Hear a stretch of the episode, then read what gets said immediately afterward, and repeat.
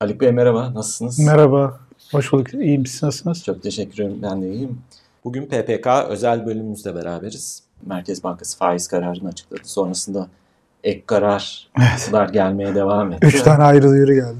Ee, yoğun bir gün oluyor. İsterseniz faiz tarafıyla başlayalım sonra Hı-hı. metne gireriz zaten. Tabii. Merkez Bankası bu yılın son toplantısında 250 bas puanlık bir faiz artışı yaptı. Siz bu kararı nasıl değerlendiriyorsunuz? Önce bunu sorayım. Bir de tabii ki metinde işaretler veriliyor ama bitmedi değil mi? Evet bitmedi. Yani beklediğimiz gibi bitmedi. Daha önce konuştuğumuzda iki artış olabilir. 250-250 diyorduk. Aslında onu teyit etmiş oldu. Tabii bir garantisi yok ama şöyle dedi. Yani e, bir kere parasal sıklaşma hızını yavaşlatma gerekçesini açıkladı. Aslında metinde önemli olarak. Orada da diyor ki gerekli parasal sıklık düzeyine önemli ölçüde yaklaştım diyor. Yani daha çok e, hızlı gitmeme gerek yok diyor. Onu söylüyor gerekçe olarak. Onun dışında da e, şöyle bir şey söylüyor. Parasal sıklaşma adımını en kısa zamanda tamamlamayı öngörmektedir diyor. En kısa zamanda. Bu en kısa zaman kısa zamanda diyordu daha önce. En kısa zaman deyince hani artık hani onu bir toplantı yaşayacağını zannetmiyorum adımlarda düşmüşken. O yüzden 250 beklemek mantıklı görünüyor Ocak ayında. Hem de zaten aslında geçen hafta Sayın Başkan'ın röportajlarında da e, asgari ücretle ilgili bazı tespitleri olmuştu. Yani onu onu görmemiz lazım gibi. Onu görmek açısından da imkan verecektir Merkez Bankası'na. Dolayısıyla 45 ile faiz arttırım süreci bitecek gibi anlaşılıyor.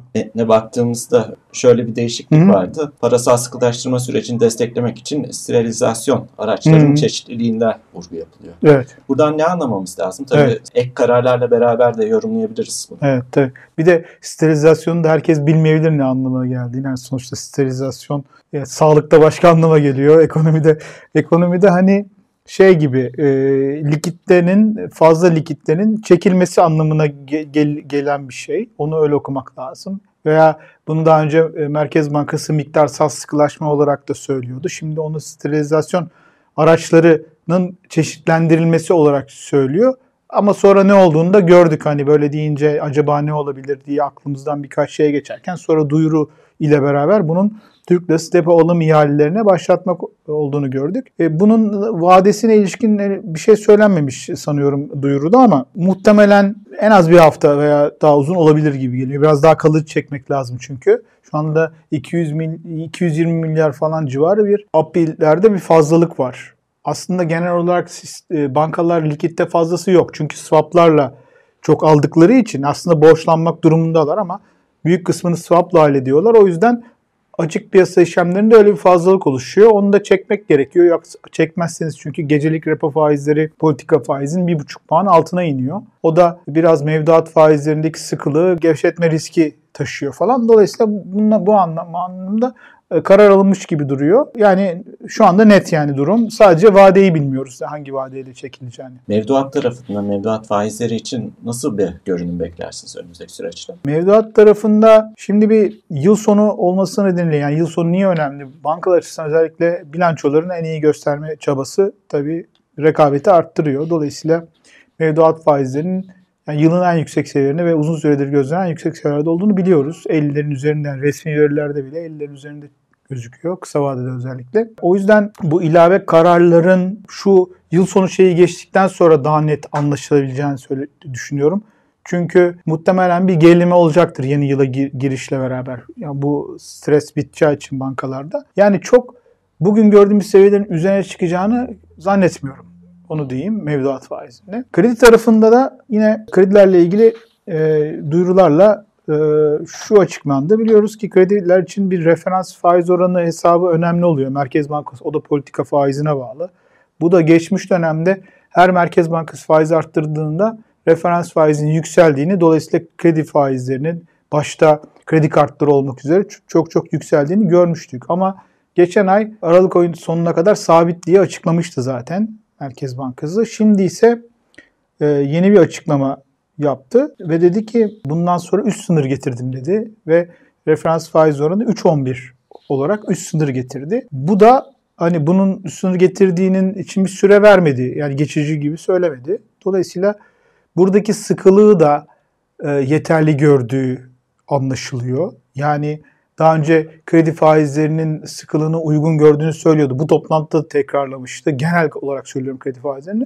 Şimdi kredi kartlarında da belirleyecek veya referans oranı birçok kredi faiz tavanını belirleyecek onu oranı artık daha yükselmesini istemediğini de ilan etmiş oldu. Kredi kartına yüklenme geçmiş dönemler çok olmuştu tabii düşükken ama e, son dönemde ilave kullanımların azaldığı varsayılabilir. E, buna ilişkin çok net bir veri henüz gözlenmedi ama o yüzden e, bu sıkılığı yeterli görüyor. Oralarda da dolayısıyla pek bir değişiklik olmayacaktır. Nasıl mevduat faizleri için çok bir değişiklik beklemiyorsam da kredi faizlerinde de kısa vadede pek bir değişiklik beklemiyorum. Peki bir de son günlerde bono tahvil tarafı da çok tartışılıyor.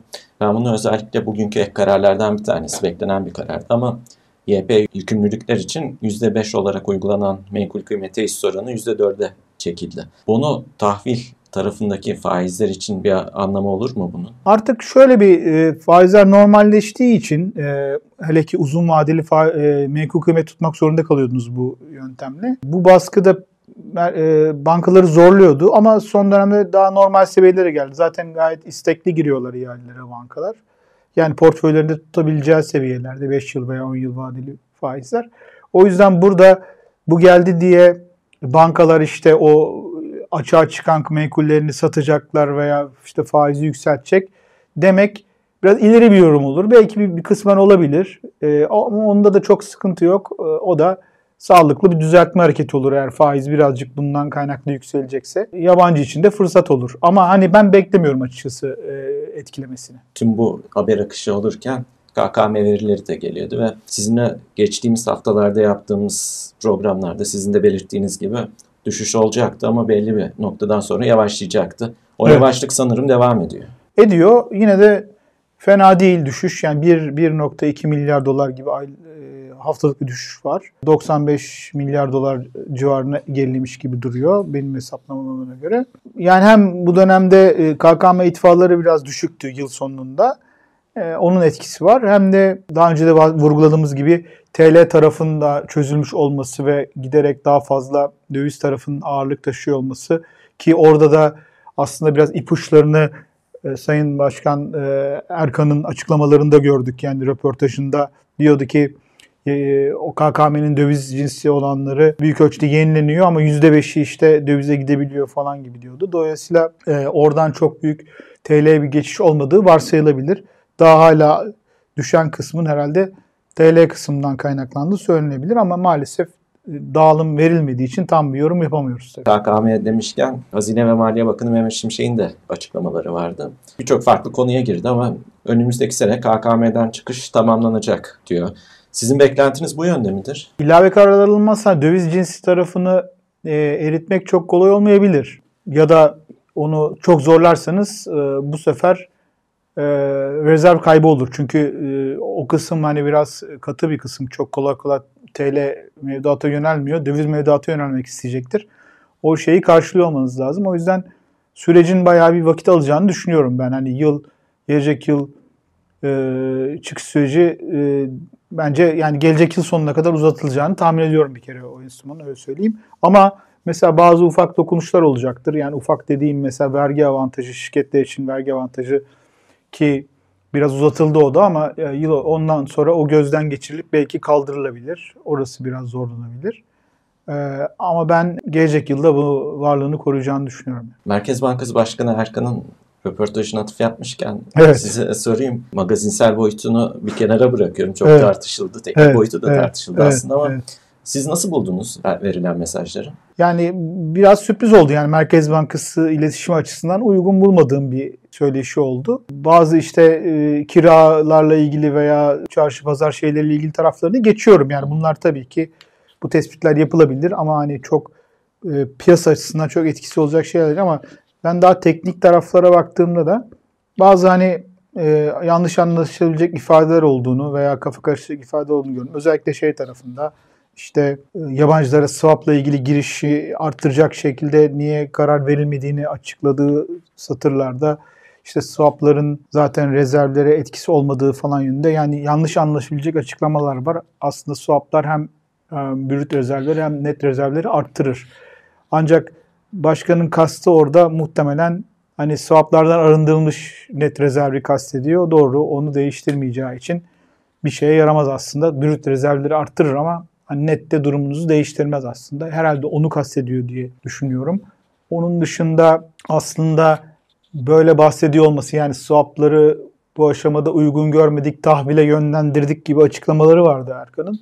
Bu da bir ara biliyorsunuz swaplarla ilgili limitlerin esnetileceği yönde artan bir beklenti vardı. O beklentileri biraz bastıracak bir açıklama olmuş. Yani onu çok kısa vadede beklenmemesi lazım. Zaten doğal olarak aslında swap e, girişlerinin işaretlerini görüyoruz. Son 4-5 haftada oralarda böyle hareketlenme var. Yani kendi limitleri çerçevesinde bir yabancı girişi bence var. Zaten var. O yüzden e, ilave bir şey duymamışlar ama orası çok tabii ilgi artarsa falan belki ilerleyen dönemde e, gelecek yıl belli bir dönemde açılabilir de.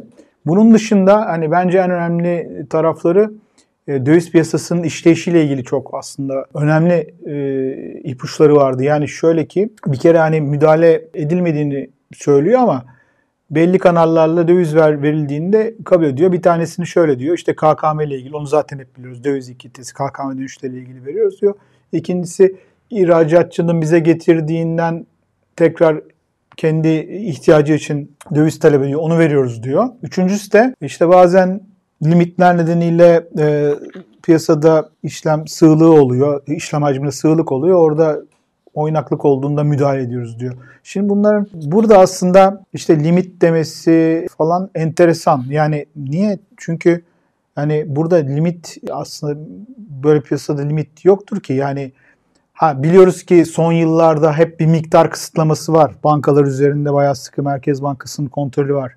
Yani ne kadar döviz satabilirsiniz müşterilere diye Merkez Bankası bayağı bir talimatları var. Demek e, başkanın açıklamaları aslında bunların devam ettiğini teyit ediyor. Yani öyle bir ipucu. Müdahale etmiyoruz derken aslında. Müdahale etmiyoruz derken e, kontrol anlamında kontrolün çok da elden bırakılmadığını anlıyoruz buradan. E, müdahalede de e, küçük oynaklıklara müdahale ediyoruz demek. E, demek ki o anlamda da zaman zaman döviz piyasasına likitte veriliyor gibi bir durum ortaya çıkıyor. Dolayısıyla biraz çelişkili bir açıklama oluyor. Artı şu tarafı da var. Biz daha önceki dönem hep döviz satışlarını konuşuyorduk ama son 4-5 haftadır da tam tersi piyasadan nette aslında döviz oluyor Merkez Bankası. Bunu da her gel her geldiğim yayında söylüyorum. Ve az olmayan 3-4 milyar dolar civarında her hafta bir alım oluyor. Bunlar da açıklanmaya muhtaç aslında. Aslında bir satış tarafını geçtik artık ters yöne döndük. Hani alıyorsa bunu da bu da bir müdahaledir. Alımlar da bir müdahaledir sonuçta satım olduğu kadar.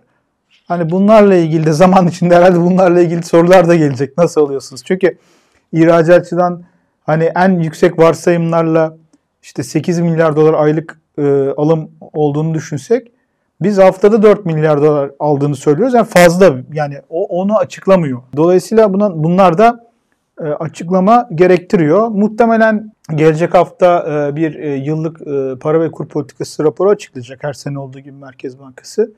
Ha burada bunlar açıklanacak demiyorum. Tabii ki öyle beklentim yok ama en azından böyle girişler daha ağır basıyorsa artık hem yabancı yatırımcı girişleriyle ilgili Türkiye'deki ters dolarizasyon kaynaklı Merkez Bankası'na döviz bayağı bir alma imkanı veriyorsa ve bundan eminse bunu süreceğini o zaman Merkez Bankası artık böyle gizli kapaklı şeyleri bırakıp hani e, nasıl TL depo alım yerleri yapıyorsa döviz e, günlük döviz alımı yerlerini de başlatmasında fayda var. Hani ve bunların sonuçlarını da bizim görüyor olmamızda fayda var diye düşünüyorum. Haluk Bey çok teşekkür ederim. Ben teşekkür ederim. Yılın son PPK'sında sıcağı sıcağına konuşmuş olduk. Değerli görüşlerinizi aktardınız. Teşekkür ederiz.